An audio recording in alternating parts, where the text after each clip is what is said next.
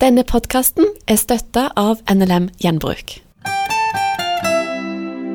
Og da, da, tenkte jeg at Hvis dette skal være vits å tro på, så må disse prinsippene her fungere i storsamfunnet og være bra for storsamfunnet. Og, og Gjennom bibelskole og, og, studier så lette jeg ta spor av de, og fikk jo noen, noen, noen helter som f.eks. Hans Nilsen Hauge Eh, Abraham Vereide som startet bønnefrokosten i USA.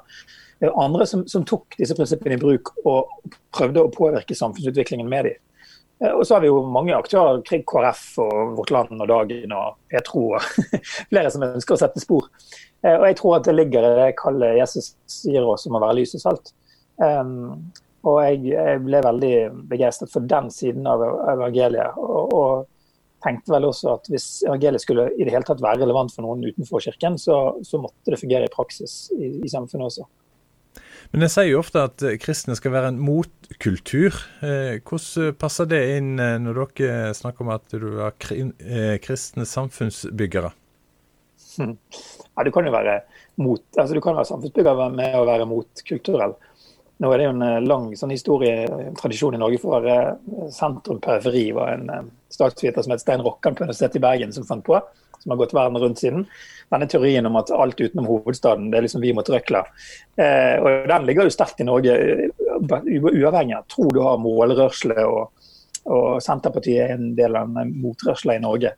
så jeg tror at du kan være samfunnsbygger med en annen verdi enn hovedstadeliten. da. Men, men, jeg tror konseptet med at vi skal tenke at vi skal være med og bygge samfunnet til det beste for de alle. For alle, ikke bare for eh, kristnes rettigheter eller våre kjerneverdier. Det tror jeg er utrolig viktig, og det ligger tilbake til første Mosebok, eh, kapittel 1, når, når, Gud ber mennesker om å Adam og Eva om å formere seg og legge jord under og forvalte jorden. Eh, så taler det til meg om, om å velge å ta ledelse. Våge å ta ledelse, og ikke gjemme oss i enten det er Edens hage eller på bedehuset. da uten samling for, for øvrig. Men eh, tankesmie, eh, det er et miljø eller en organisasjon eh, som har som formål å utvikle nye ideer. Skaperkraft, som du er en del av, den tankesmia der. Hva, hva, nye ideer er det dere ønsker å ha fokus på? Jeg tror, jeg tror at det går på to plan.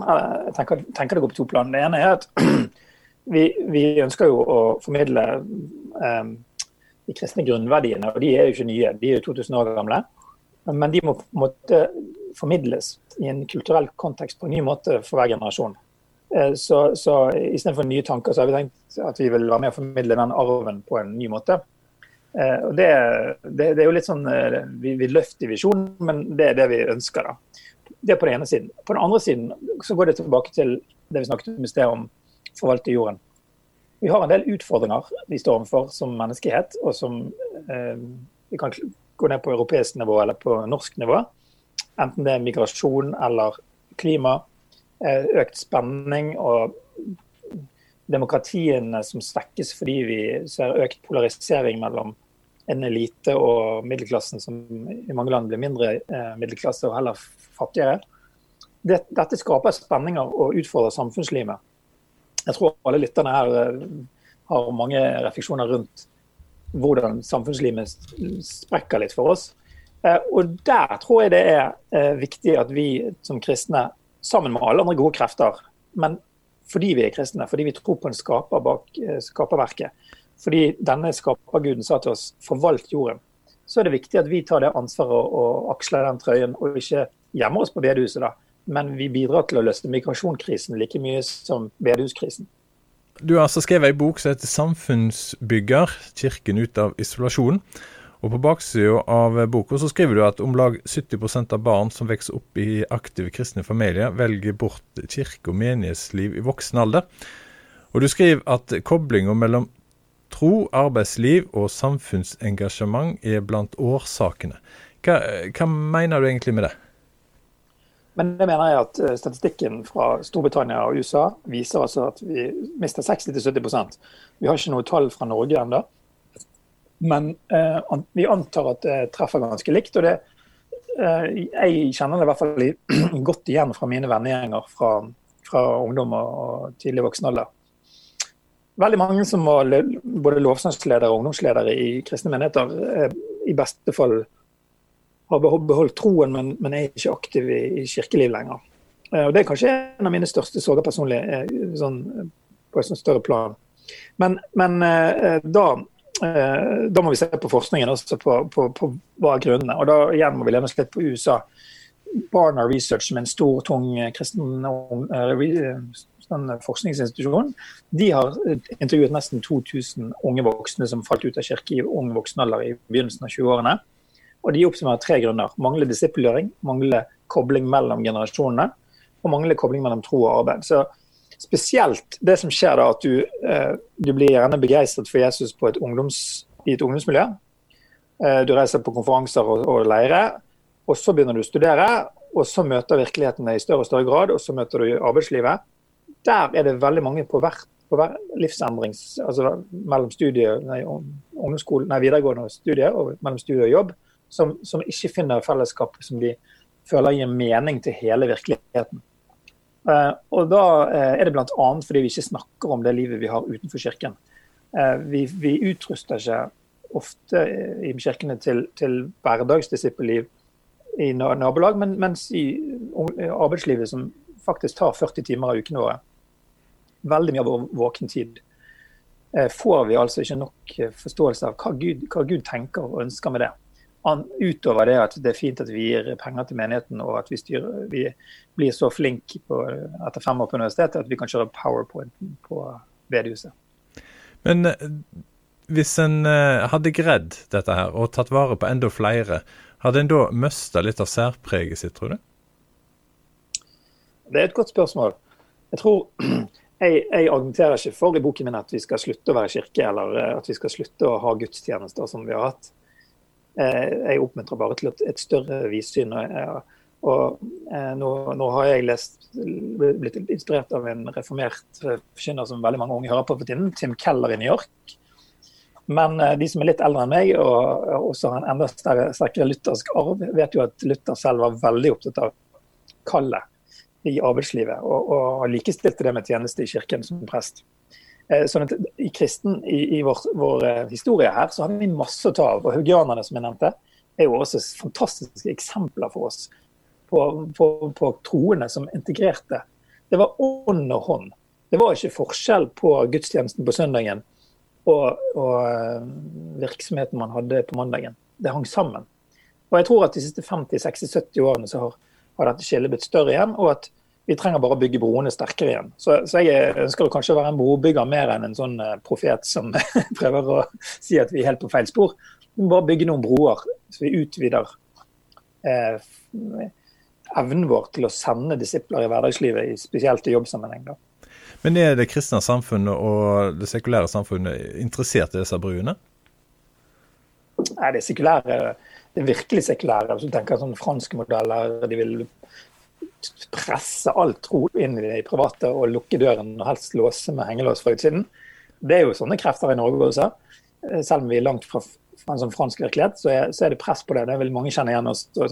Homoterapidebatten i høst, diskofilmen som kom. Vi blir presset som, eh, som troende på, på, å holde det privat, ikke mas i storsamfunnet om dette. Så storsamfunnet er nok ikke så veldig interessert. Men, men jeg tror nettopp da hvis vi skal unngå at vi Det er nesten som gettoen. altså I en krigssituasjon så blir du jo stuet sammen og så blir du låst og murt inne. Hvis våre barn ikke skal vokse opp i en getto, så trenger vi å bygge så mye broer. Om så utsiden prøver å stenge oss inne, så må vi bygge broer ut. Eh, sånn at det blir meningsfullt for, det, for de barna som vokser opp i vår landsby, å leve livet både i landsbyen, men også være en del i verden. da i verden, men ikke av verden. Men vi står i fare for liksom, å, å gjemme oss og være trygge og gode. og Holde oss på kristen skole og være trygg. Mm. Litt tidligere i intervjuet her så har du eh, Herman Haaland som Petro-gjest i dag. Du har sitert noe som heter Barna Research. og De sier òg at 53% av unge voksne i et utvalg eh, føler at kirka ikke aktivt støtter karrieren deres. Hva jobbkarriere er det kirka ikke støtter? Altså det som er interessant der, det er, at den rapporten som heter 'Christians at Work', eller 'Kristne på arbeid', den kom for et vel et år siden, litt, litt, litt mer. Og den sa veldig mange spennende ting. Blant annet viste den også det som var min antakelse fra Norge, men igjen tall fra USA. Kristne blir faktisk først og fremst leger og sykepleiere og lærere. Eller helsearbeidere. Eh, jeg tror det har vært en sånn rangering med at uh, prester og, og, og lekforkynnere det, det, er liksom øverst på rangstigen. Det, det, er det mest kristelige. Men, men, så kan du i hvert fall bli lege og, og du kan bli sykepleier og lærer, så gjør du noe godt for de andre. Eh, og så glemmer du finansmegleren og, og, og byråkraten eller eh, journalisten. Eh, ta journalisten da, som er i en situasjon der vi, vi får stadig mer fake news. Vi kan, vi, vi kan, ikke stole på det som verken sosiale medier eller vanlige medier formidler like mye som før. Det å være en sannhetssøkende journalist, det er jo virkelig å leve ut Guds rikes verdi gjennom sannhet og, og fakta. Eh, Jesus sier at 'jeg er sannheten og livet'. Så nærmere kommer du nesten ikke. Et yrke som søker etter sannhet. Så, så det finnes utrolig mange måter å tenke Guds rike på i, hvert, i hver yrkesgruppe. Eh, og, og eh, det, det, tror jeg er utrolig viktig at vi gjenoppdager. og, og utruster menighetsfolk til, til, å forstå hvilke prinsipper fra Bibelen kan man faktisk leve ut i praksis, sånn at man opplever det som en gudstjeneste å gjøre den jobben sin. Uh, og det var F.eks. Odd Inge Aas, nå er sportsjournalist. Noen av oss som, som liker fotball. Uh, nå går det heldigvis bra med Manchester United for tiden. Så, så han, uh, Odd Inge skriver i Aftenposten og har gode kommentarer. Med, senest i går, dobbeltside. Han sa til Dagen for to år siden at den menigheten han vokste opp i på Sørlandet, der var det ingen som støttet han i tanken på å bli journalist. Tvert imot ble han motarbeidet. Um, det, det, tror jeg har forandret seg de siste fem-ti årene til det bedre. Men det er fortsatt en vei å gå. da. Vi trenger å se ungdommene våre og virkelig hjelpe dem å avdekke talenter og gaver og det som motiverer dem. Hjelpe dem til å finne kallet og forstå nettopp at yrkesvalget er et kall på linje med å bli misjonær på Madagaskar. Du nevnte litt tidligere her dette med kristne grunnverdier. Eh, en har lett for å snakke varmt om noen verdier, og så er det andre som en ikke snakker så mye om. Kan de òg være med på å eh, bety noe for yrkesvalg? At en, noen yrker er på en måte, sånn som du sa, litt mer kristne enn andre? Absolutt, fordi det er lettere å se. Ta, ta, ta menneskesynet og bildet at vi er skapt i Guds bilde, som, som, som, setter mennesket utrolig høyt i en kristen forståelse. Mens nå er jo det under angrep. Så det holder, spesielt innenfor for legevitenskapen. Så det er lett å si at ja, men skal jobbe for å få fremme det kristne menneskesynet, så må du gå til helsesektoren. Men jeg tror f.eks. da um, kristne menneskesynet ansvarliggjør mennesket til å bli medskapere med Gud. Eh, og Det å kunne være f.eks. En, en finansmegler som da vrir eh, bidrar til et kapital som er en positiv kraft, hvis det brukes rett, til gode investeringer heller enn til dårlige, det vil være med å løfte menneskesynet, selv om du sitter foran datamaskinen og gjør akkurat det samme som finansmegleren på det andre bordet. Um, så, og her, her, er det masse ugjort. Det finnes f.eks. en del kristne økonomer nå som ikke bare i en sånn særgruppe på siden, men som evner å kommunisere kristne grunnverdier inn i økonomifaget på en ny måte. Eh, for, for, å fremme menneskelig blomstring, og ikke bare fremming av kapital og avkastning. Ja, men Hvis en sitter på arbeidsplassen sin og jobber på en sekulær arbeidsplass, og en forteller om idrettsarrangement en har vært på, kanskje kulturarrangement Hvis en da sier at eh, ja, nei, jeg var på et eh, kristent møte, ville en gjort det, eller er en litt sånn flau å holde igjen og nei, dette snakker vi ikke om? Altså En er flau over det som en egentlig brenner for? Ja, det, Du siterer jo egentlig nesten uh, Frøy Gudbrandsen i BT, som jeg forsto var intervjuet av biskop Nordhaug i, i, Bergen her forleden. Som nettopp sa det at, at hun, hun, opplever at, at ansatte i Bergens Tidende kan fortelle om alt de har gjort i helgen av fester og annet gøy. Men de som går på bedehuset, de forteller ikke om det.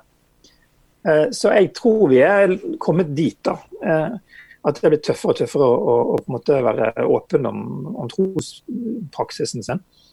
Eh, og Da tror jeg det er noe sånn som, som heter kritisk masse. Hvis det blir vanlig nok å fortelle om troen i det offentlige, så tør vi andre også.